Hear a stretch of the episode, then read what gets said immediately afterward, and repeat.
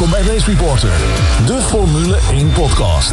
Aflevering 7. We gaan terugkijken op de Grand Prix van Hongarije verreden afgelopen weekend. Welkom, dit is Race Reporter, de Formule 1 podcast. Mijn naam is Lucas. En mijn naam is Frederik. Hallo Frederik, hoe is het? Ja, goed. Weer een enerverend raceweekend gehad. Jazeker. Hè? Het was, als je de race een cijfer zou geven, wat voor een cijfer zou je geven op de schaal van 10? Uh, 7 min. Een 7 min. Oké, ja, het was, het was, ik vond het niet heel spannend eerlijk gezegd. Nee, het had een heel saai middenstuk en het had een heel mooie race kunnen zijn. Uh, de subtop kwam richting de top. Ja, de subtop, dan doe ik eventjes Mercedes Red Bull. Maar ja, echt tot een clash kwam het niet. Dus nee. dat is jammer.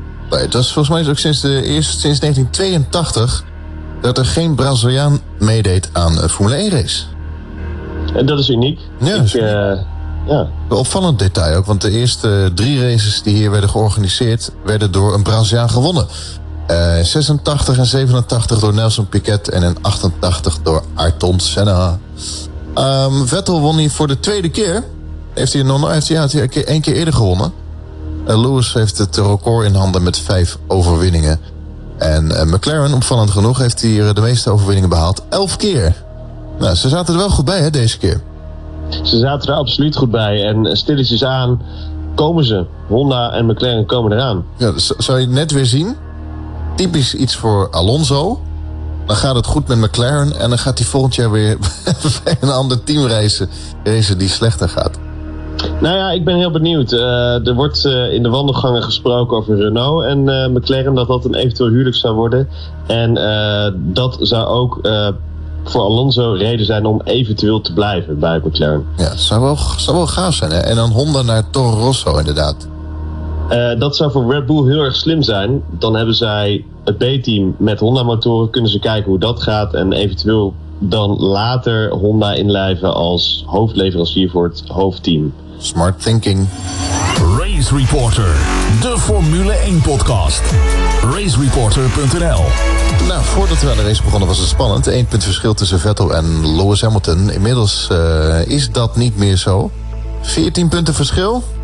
En derde Valtteri Bottas met 169 punten staat hij. Daniel Ricciardo vierde. Kimi Räikkönen vijfde. Die gaat toch steeds beter, hè, Kimi Räikkönen.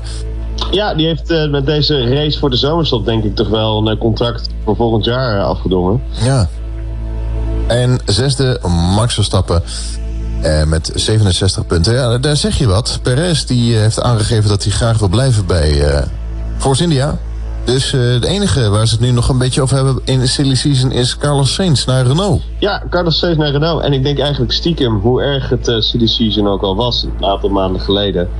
Um, misschien komen er helemaal niet zo heel veel verschuivingen. Misschien blijft het allemaal zoals het is. Ik denk eigenlijk meer dat het op uh, motorisch gebied het een en ander gaat gebeuren. Een paar verschuivingen. Maar op rijdersgebied, uh, ik ben heel erg benieuwd. Dan kijken we naar de hoogtepunten van de race op de Hungaroring Hongarije. Max had een goede start. Zat op een gegeven moment zelfs uh, naast Bottas. Derde, dat leek er even op. Bottas die gleed iets naar buiten, duwde Max ja, gewoon van de baan. Ja, hij kwam op het AstroTurf terecht. Een stukje kunstgras naast de baan. Daardoor verloor hij wat momentum in die eerste bocht. En kon Ricciardo aan de binnenkant langs zij komen reden ze samen gelijk op naar uh, bocht 2. En uh, daar verremde Max zich. Ja. Want die wilde zijn positie graag weer terug hebben. En dat was een fout. Het leek een onschuldig tikje, maar de hele radiator uh, was een stront. Ja, het kan heel lelijk uitpakken. Het had net zo goed, goed uit kunnen pakken. Maar dit, dit was snel race over voor Ricciardo. En ehm, helaas. Wat zit er aan de zijkant dan? Zijn het de radiatoren of het leek wel... Er zitten radiatoren, vooral veel data en zo. Ja, en achteraf, of ja, tijdens de race al hadden we een woedende Ricciardo die nou, echt excuses eiste van Max. En dat deed hij ook. Hij ging door het stof, zoals het heet, um, redelijk gestraft. 10 seconden tijdstraf tijdens de wedstrijd. Ik denk dat het hartstikke terecht is. Het enige punt wat ik wil maken is laten via een soort van duidelijk reglement opstellen. Uh, bijvoorbeeld crash met, met impact, waardoor iemand de race niet kan eindigen, is, is deze tijdstraf. Uh, crash met impact, of met geen impact, is die tijdstraf. Dat er gewoon één lijn komt. Dat is het probleem momenteel de Formule 1. Ja, Olaf zei het ook heel duidelijk. Toen Azerbeidzjan hebben gehad in Spanje, waar Bottas gigantisch lomp erin kwam, nul straf. Toen kreeg hij helemaal niks. daar was, dat was het ook einde wedstrijd voor Max. En ja, gewoon pech. Wat Max heel erg goed deed, was direct na de wedstrijd zijn excuses aanbieden. Uh, in interviews een eh, statement gelijk uitbrengen. Sorry, ik zat fout. Um, ik vond dat hij door de media wel weer hard werd aangevallen. Evenals stewards. Derek Warwick zat deze wedstrijd als steward of de board zat hij daar. En hij pakte, ja, vooral jongelingen pakte hij best wel hard aan. En Max Verstappen is er daar een van. Nou ja, prima. De straf voor Max was 100% terecht. Het enige wat ik wil aangeven is, ze moeten niet met twee maten gaan meten. Voor iedereen dezelfde straf voor eenzelfde incident opleggen. Ja, vind ik ook. Nou, we gaan het zien. Uh, we hebben in ieder geval uh, een zomerstop. Wel zuur voor Daniel Ricciardo. Hè. Die zit nu gewoon vier weken zonder race. Het is niet alsof, het, alsof hij de draad alweer kan oppakken. Nee, ja, maar ja, aan de andere kant, Max is er een paar uitgevallen. Dus ja, part of motor racing, die kunt gewoon uitvallen. Ja, dan hadden we ook nog de clash tussen uh, Magnussen en uh, Hulkenberg.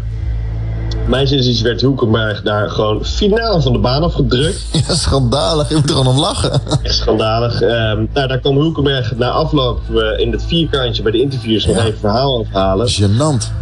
Waarop Magnussen hem uh, naar zijn ballen verwees en vroeg of hij ze vrolijk wou likken. Ik vond, het, uh, ik vond uh, dat Magnus hier wel ver ging. Hij, geeft, hij kreeg overigens wel een straf voor een 5 seconden time penalty. Um, voor die opmerking. ja, voor die opmerking zei hij, uh, nou ja, dat vind ik dan wel weer lekker op een rol. maar hij drukte echt Magnus van de baan. Het ja. was, of hij drukte echt uh, Hoekenberg van de baan, dus het was niet terecht. Gewoon. En uh, opvallend, uh, Vettel die, uh, was, er was iets met zijn stuurtje. Hij zei, op het rechte stuk moet ik naar links sturen. Het leek wel alsof hij was ingesteld voor de Indy 500. Ja, hij heeft een. Uh, wel... iets met zijn stuurbekrachtiging. Ik weet niet, volgens mij uh, heeft hij een curb geraakt of iets, waardoor ja. uh, die stuurstang niet helemaal lekker stond. Dus hij moest een klein beetje tegensturen. Hij heeft het in elk geval prima tot het eind van de wedstrijd volgehouden. De pace ging iets achteruit, waardoor Raikkonen dichterbij kon komen. Maar het was lang niet genoeg dat hij Vettel in kon halen. Dus wat dat betreft heeft Vettel het curb gedaan. Dit was niet echt een, een motorcircuit. Denk je nou dat de Ferrari de beste auto is op dit moment? Ik denk dat Ferrari uh, een heel goed pakket uh, heeft samengesteld. En dat zij met de updates uh, goed beslaagd ten ijs kwamen hier in Hongarije. Ja. Mercedes was dat absoluut niet.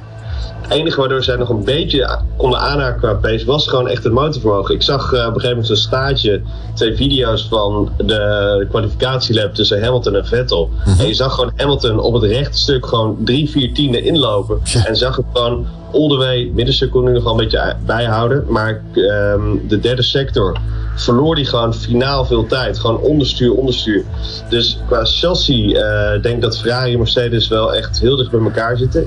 Denk of sorry, uh, Red Bull en uh, Ferrari wel dicht bij elkaar zitten. Denk je Red Bull zelf nog een tandje scherper. Ja, alleen die Renault komt nog steeds tekort. En dat kost ze wel echt tijd op het middenstuk. En je moet ook dat momentum houden door de bochten heen. En dat, uh, dat, dat mist Red Bull echt nog wel een beetje door dat motorvermogen tekort.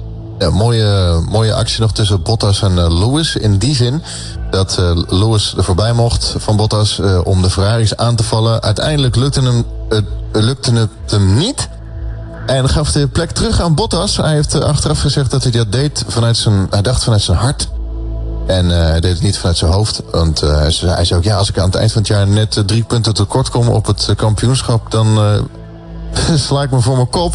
Ik vind het een mooi, ja. ik vind het een mooi gebaar. Oké, okay, nou, Alonso moeten we natuurlijk ook even bespreken. Hij deed het goed, deed het super. En natuurlijk ja. aan het einde van de race lekker op zijn stoel.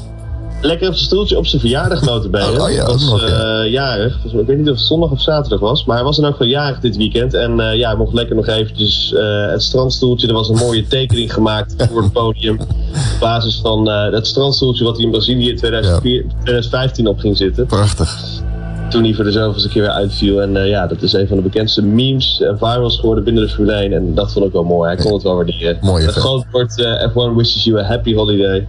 En nog één leuk detail. De top drie van Hongarije op het podium... die hebben allemaal eh, nog geen contract voor volgend jaar. Dat is leuk. dat is een leuk detail. We gaan richting Spa-Francorchamps. Jij bent er ook? Ja.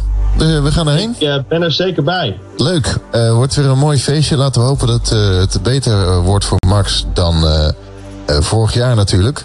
Als ik dan eventjes naar mijn oranje hart kijk... hoop ik dat het echt gewoon pleurisregen wordt daar naar Dennis. Knalregen, ja. En dat hij gewoon die wedstrijd wint. En dan wil ik gewoon echt doorweek bier drinken. Dat maakt me echt ja, helemaal niks meer uit. Gelijk gewoon die idee. dijk van Kennel Street gelijk af. Dat maakt me helemaal niks meer uit. Ja, we gaan er een mooi feestje van maken. Dat in elk geval, ja. Oké, okay, Frederik. Ik bedoel, oh. ja, Frederik. Fijne vakantie. Jij ook. Zie je in België, hè? Amai. Amai, amai. En dat was hem weer, Race Reporter, de Formule 1 podcast. We keken terug op de Grand Prix van Hongarije. We gaan vakantie houden en de eerstvolgende Grand Prix is die van België. Dat wordt een mooi feestje in Spa. Tot dan!